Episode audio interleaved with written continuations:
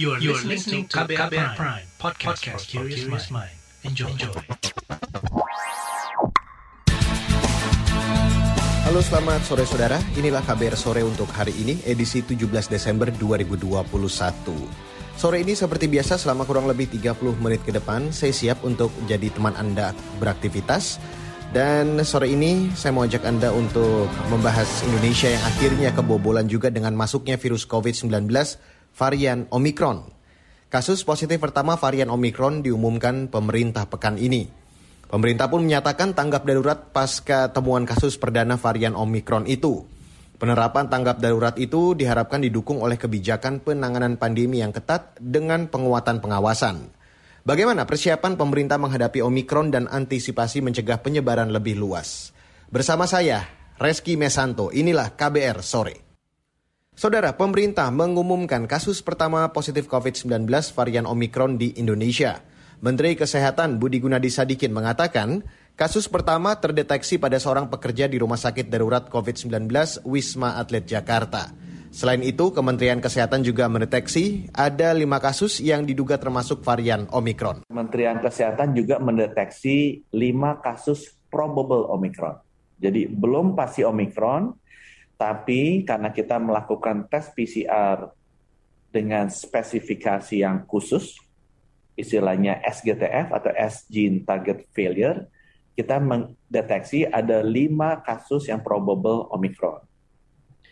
Dua kasus adalah warga negara Indonesia yang baru kembali dari Amerika Serikat dan Inggris.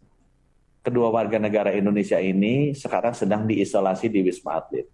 Tiga kasus probable lainnya adalah warga negara asing dari Tiongkok, yang datang ke Manado dan sekarang sedang diisolasi di karantina Manado.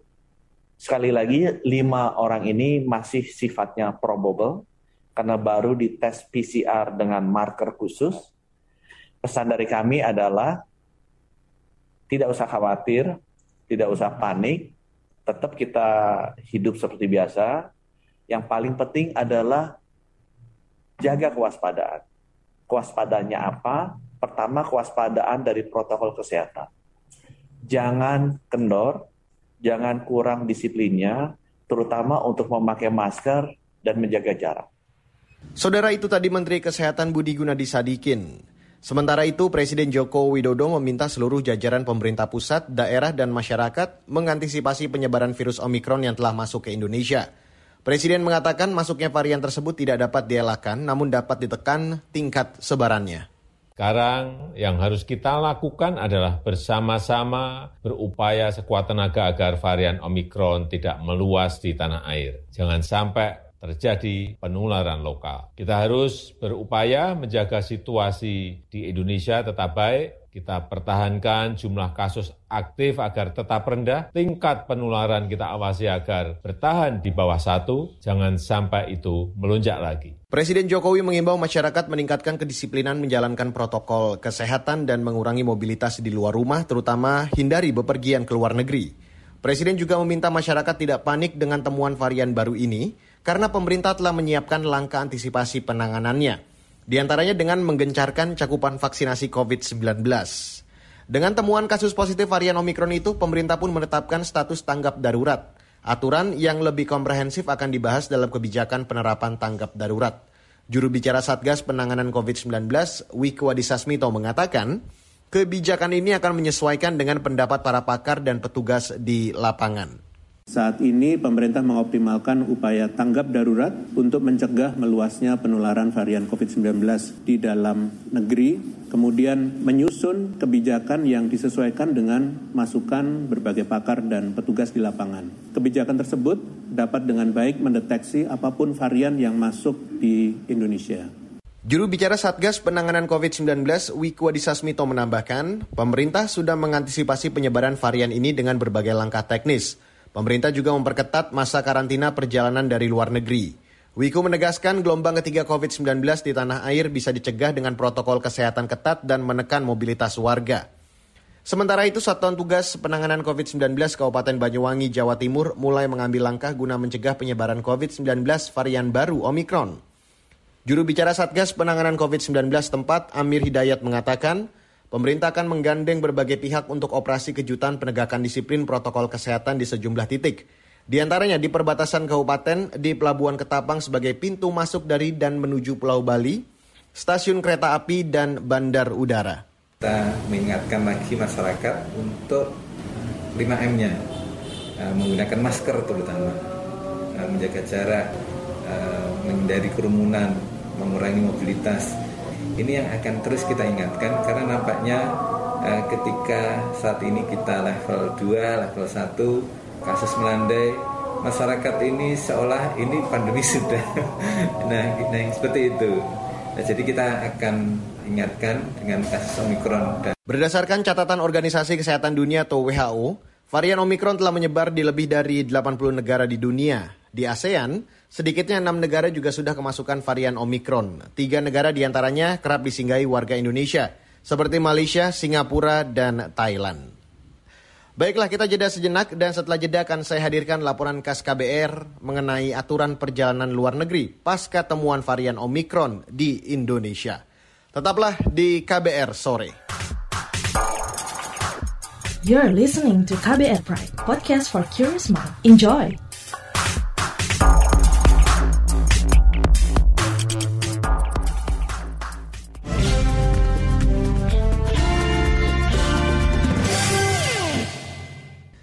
Saudara, sejak ditemukannya kasus positif COVID-19 varian Omikron di Indonesia, pemerintah terus memperketat sejumlah pengawasan aturan perjalanan di lapangan. Lantas, seperti apakah implementasi aturan perjalanan dari luar negeri? Berikut saya hadirkan laporan khas KBR yang disusun Reski Novianto. Pemerintah mengeluarkan aturan baru bagi para pelaku perjalanan internasional yang masuk Indonesia. Dalam aturan yang dikeluarkan Satgas Penanganan COVID-19 ini, para pelaku perjalanan dari 11 negara di kawasan Afrika dan Asia wajib menjalani karantina terpusat selama 14 hari. Sedangkan mereka yang datang dari negara di luar 11 negara itu wajib karantina 10 hari. Ketua Satgas Penanganan COVID-19 Suharyanto mengatakan aturan itu dikeluarkan setelah ditemukannya kasus positif dari varian Omikron di tanah air para pelaku perjalanan internasional ini diharapkan melaksanakan swab PCR 24 jam sebelum keberangkatan.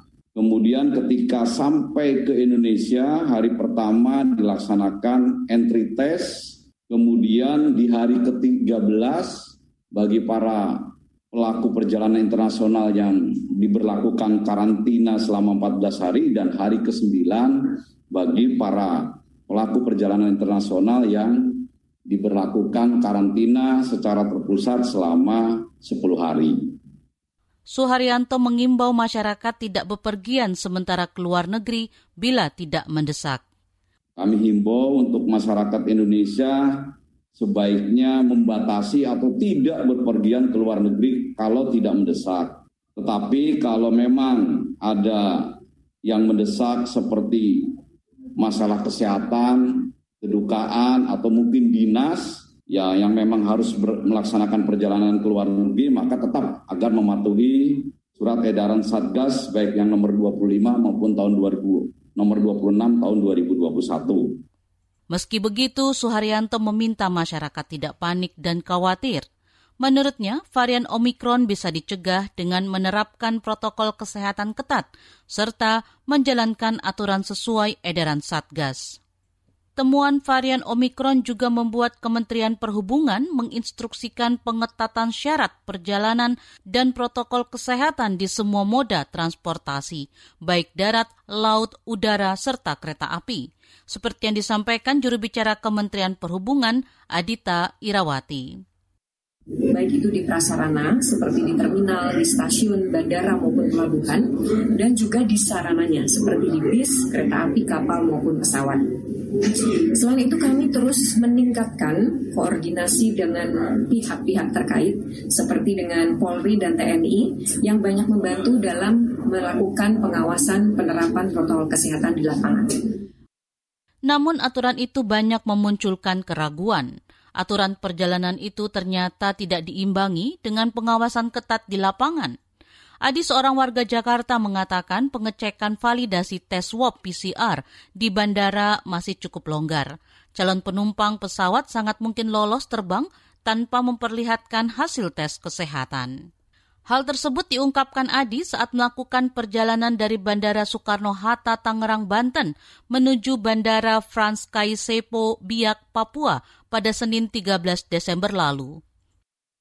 Itu di Soekarno-Hatta ya, ketika itu Senin dini hari, situasi ramai hanya di loket atau counter check-in dan bagasi. Tapi untuk mesin validasi dan uh, pemeriksaan manual oleh petugas kesehatan itu tidak ramai. Sama sekali tidak ramai. Jadi ketika aku ke petugas kesehatan itu pun tidak ada antrian, hanya aku sendiri. Jadi aku menghadapi satu petugas, dia mengecek berkasnya, ternyata negatif, lalu dia lingkari, uh, tulisan negatif itu dia beri cap setelah itu dikembalikan. Jadi aku bisa langsung melanjutkan proses perjalanan begitu.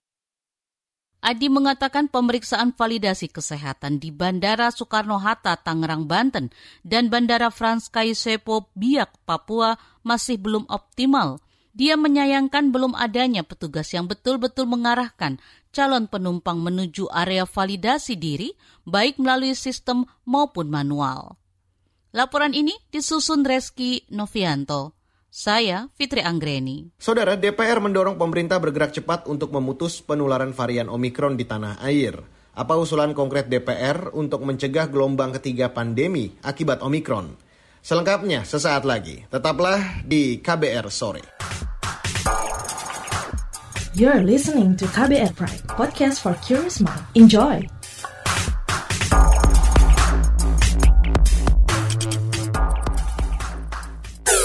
Commercial break.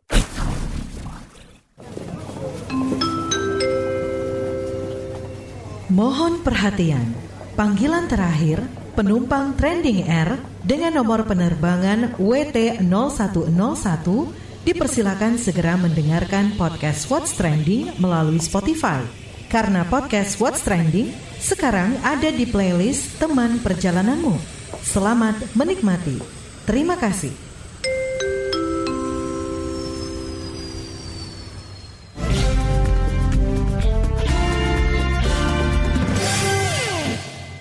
Terima kasih Anda masih bergabung di KBR Sore. Saudara, anggota Komisi Kesehatan DPR Kurniasih Mufidayati mendesak pemerintah melakukan langkah antisipasi yang cepat menghadapi masuknya virus COVID-19 varian Omikron. Ia meminta agar ledakan kasus positif di bulan Juli lalu akibat varian Delta tidak terulang lagi. Kurniasi memberikan sejumlah saran dan masukan bagi pemerintah terkait penanganan pandemi. Berikut saya hadirkan Wawancara jurnalis KBR Astri Septiani dengan anggota Komisi Kesehatan DPR Kurniasi Mufidayati. Terkait varian Omikron yang sudah masuk ke Indonesia, Bu, bagaimana pendapat dan juga saran DPR terkait kebijakan penanganan pandemi gitu setelah masuknya Omikron? Kita yang pertama prihatin ya, karena Omikron udah masuk ke Indonesia dan ini berarti harus menjadi kewaspadaan bersama eh, baik dari pemerintah maupun kita semua sebagai warga dan masyarakat di Indonesia. Yang kedua, pemerintah pastinya memiliki tanggung jawab lebih besar pada saat ini untuk bisa melakukan eh, langkah-langkah uh, tracing dan juga treatment.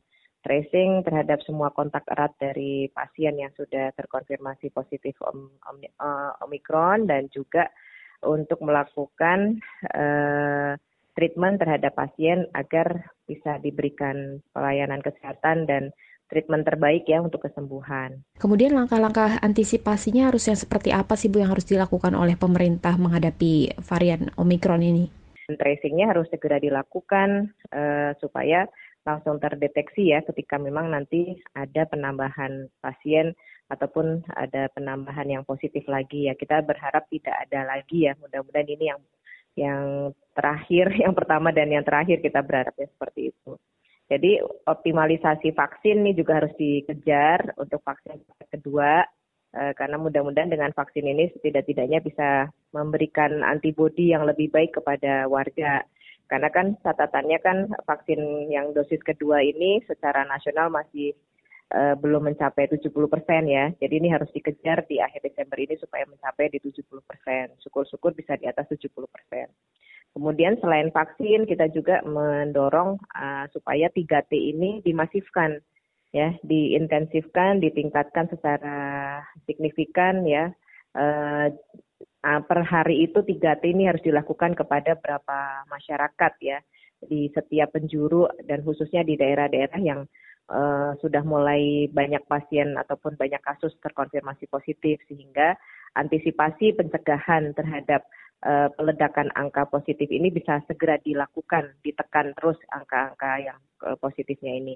Jadi 3T ini menjadi kunci karenanya uh, 3T ini harus segera dilakukan. Nah, yang ketiga, uh, lembaga riset kita, uh, Balitbangkes yang dimiliki oleh Kemenkes, rasanya memang harus berpacu dengan waktu ya untuk melakukan uh, penelitian secara uh, intensif secara masif ya terhadap kemungkinan kemungkinan-kemungkinan adanya mutasi-mutasi varian baru. Terkait kesadaran protokol kesehatan kan juga sudah menurun ya Bu akhir-akhir ini menurut catatan Satgas. Bagaimana saran Ibu supaya ini bisa ditingkatkan kembali?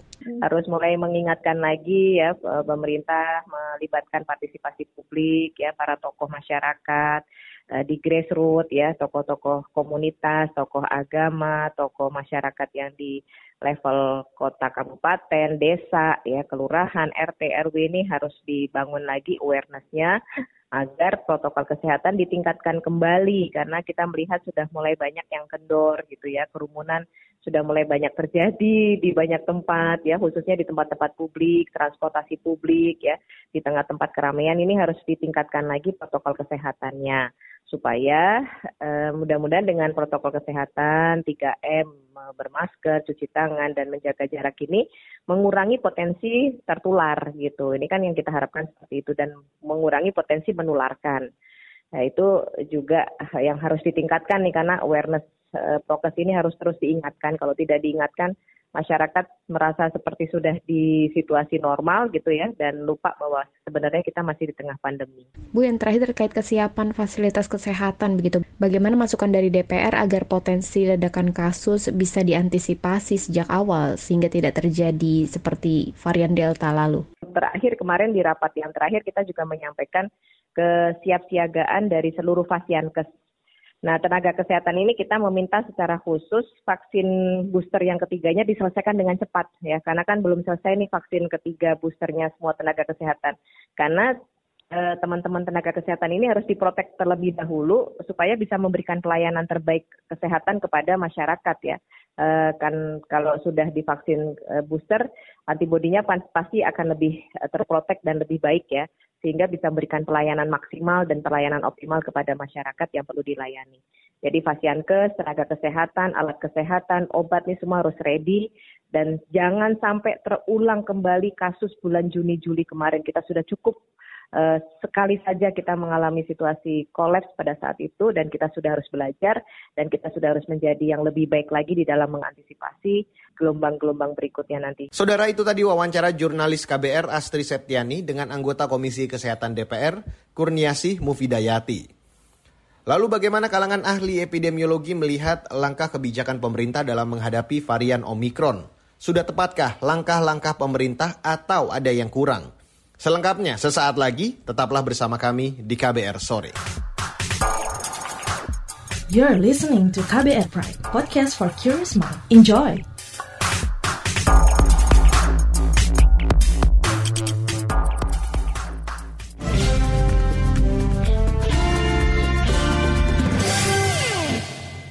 Dan inilah bagian akhir dari KBR Sore. Saudara, epidemiolog mengapresiasi langkah pemerintah yang dengan cepat mendeteksi varian Omikron di Indonesia. Ahli epidemiologi dari Universitas Griffith Australia, Diki Budiman mengatakan, ditemukannya Omikron pertama di Indonesia dari pasien petugas pembersih di tempat karantina menunjukkan pemerintah melakukan mekanisme dan prosedur yang bagus dalam melakukan proses 3T, yaitu testing, telusur, dan terapi. Meski begitu, Diki berpendapat pemerintah tak perlu memperlakukan kebijakan PPKM level 3 secara nasional. Berikut wawancara jurnalis KBR Astri Yuwanasari bersama epidemiolog dari Universitas Griffith Australia, Diki Budiman. Setelah Omikron ditemukan di Indonesia nih Pak, apa yang harus dilakukan oleh pemerintah untuk uh, mengantisipasi agar uh, Omikron ini tidak uh, menyebar gitu Pak?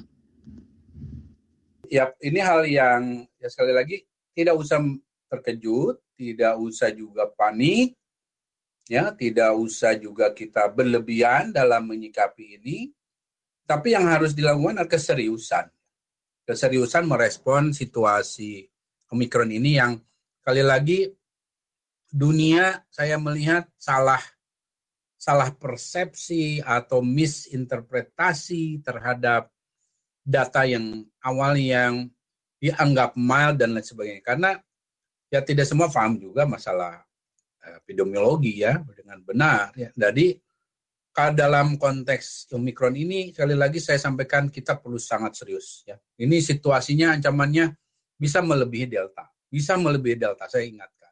Dan kalau ini sudah dideteksi pada bekerja di hotel karantina, berarti besar kemungkinan ya di yang mengalami menjalani karantina itu ada lebih dari satu yang sudah terpapar. Ini luar biasa cepat sekali. Luar biasa cepat sekali.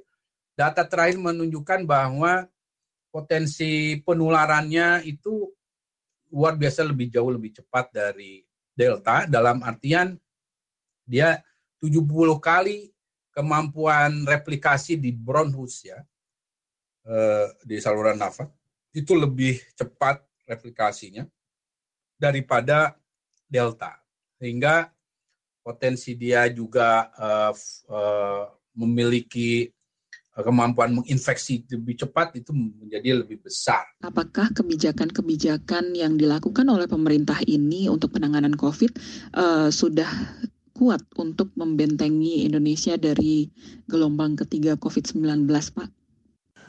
Dan menyikapi kondisi ini ya pertama kita apresiasi nih uh, pemerintah mau Kemkes khususnya mau menyampaikan ini secara terbuka. Kedua juga uh, kita apresiasi bahwa ini terdeteksi misalnya yang confirm adalah petugas kebersihan.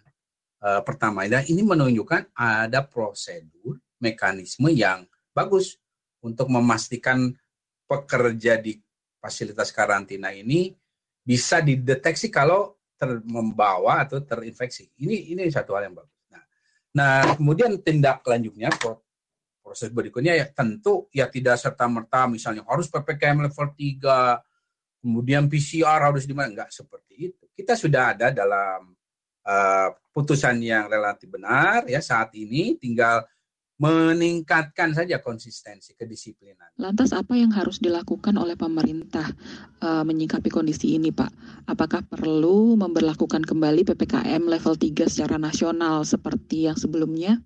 Nggak perlu, nggak perlu ada PPKM jadi level 3, 4, atau PCR jadi harus wajib, atau menutup diri dari beberapa dan sebenarnya yang penting itu ya pengetatan konsistensi aja pintu masuk perbatasan, karantina, efektif dilakukan eh, dengan minimal ya mau 10 hari atau lihat 40 14 hari. Termasuk ya kita perkuat di dalam itu sistemnya, sistem deteksinya, surveillance genomik, kemudian 3T 5M vaksinasi itu ya sebetulnya melarang itu enggak enggak efektif. Yang melarang itu enggak efektif karena bicara upaya memitigasi, mencegah, meminimalisasi, merespon satu varian baru seperti Delta dulu atau Omicron sekarang, itu kita penguatan di perbatasan dalam bentuk bukan menutup, tapi men-screeningnya dengan PCR tadi sebelum dan setelah kedatangan maupun karantina yang efektif itu yang kunci. Termasuk di dalam adalah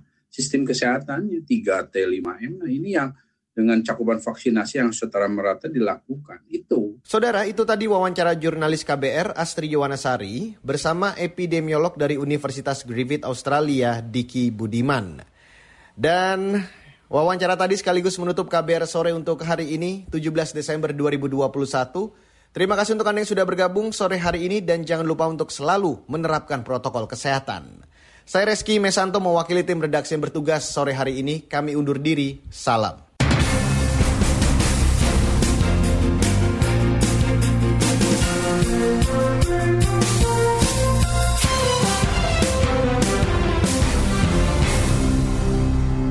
KBR Prime, cara asik mendengar berita. KBR Prime, podcast for curious mind.